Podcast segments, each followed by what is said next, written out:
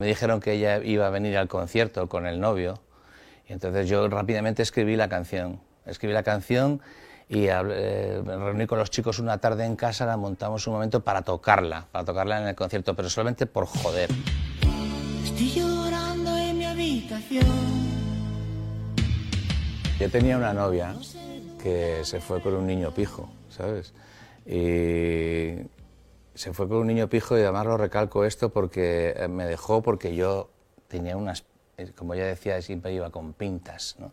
Tenía, iba con una cazadora de cuero y con los pelos de punta porque yo era un fan de los Sex Pistols y del, iba con unas chapitas, con esos zapatos de Teddy Boy, iba pantalones rotos, imperdible, totalmente personal mía, eh, una historia de venganza, ¿sabes?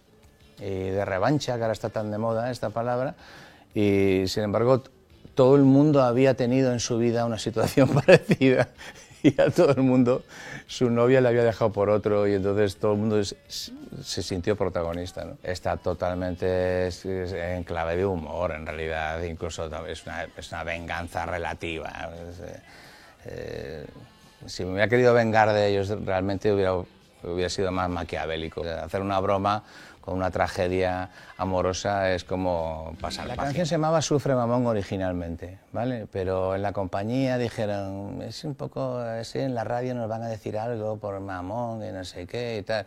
Y entonces de alguna manera me sugirieron que le pusiera el título Devuelve a mi chica, ¿no? Pero yo la he llamado y la llamaré toda mi vida Sufre Mamón, porque es como tenía que haberse llamado. Lo que yo le debo a esa canción es, toda mi vida. O sea, ahora mismo estoy hablando contigo de Sufre Mamón y estoy hablando contigo porque un día hice Sufre Mamón. Y aquí estoy, 40 años después. La canción ya ni siquiera es nuestra, la canción es de la gente. pasa con muchas canciones, pero con Sufre Mamón, o sea, solamente tenemos que hacer un acorde y ya la gente empieza a cantarla entera.